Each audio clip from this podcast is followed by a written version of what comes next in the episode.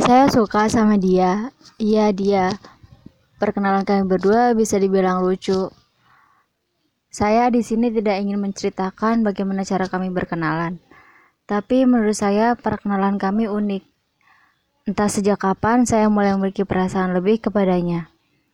Yang saya tahu, bibir saya bisa melengkung dengan sempurna hanya dengan cara melihat satu kalimat pesan yang ia kirim kepada saya. Kata orang, jatuh cinta itu sederhana. Sesederhana saat kau tak bisa menahan senyum saat melihat wajahnya. Dan iya saya merasakannya. Kata orang, cinta itu tidak harus saling memiliki. Tapi bukankah semua orang ingin memiliki seseorang yang mereka cintai?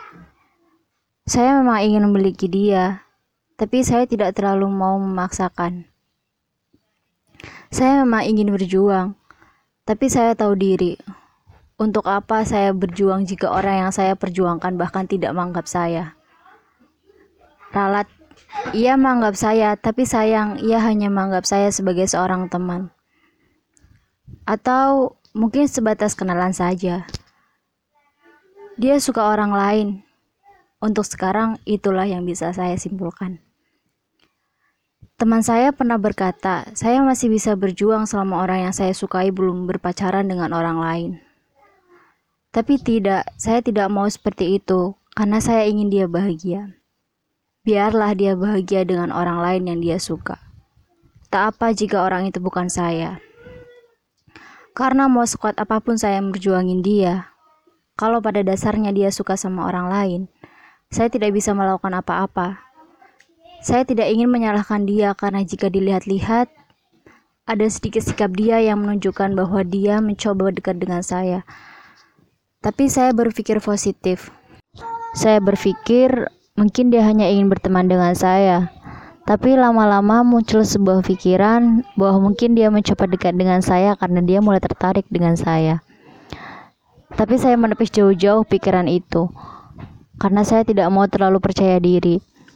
Dan sekarang saya harus benar-benar mundur dengan teratur. Karena saya tahu diri, dia tidak akan mungkin memiliki perasaan yang sama dengan saya. Dia menyukai wanita lain, dan saya benar-benar bisa melihat itu. Dengan cara dia memperlakukan wanita itu, dari sini saya berharap semoga dia bahagia dengan wanita itu. Saya mundur bukan berarti saya sudah tidak memiliki perasaan apa-apa terhadapnya. Tapi saya mundur karena saya tahu bahwa saya bukan yang dia inginkan. Saya tidak akan mengejar dia lagi. Biarlah, karena kata orang, kalau jodoh nggak akan ke mana.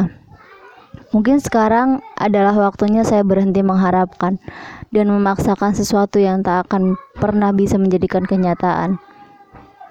Karena sekuat apa pun saya berharap dan memaksakan, nyatanya kalau Tuhan berkata tidak, bisa apa?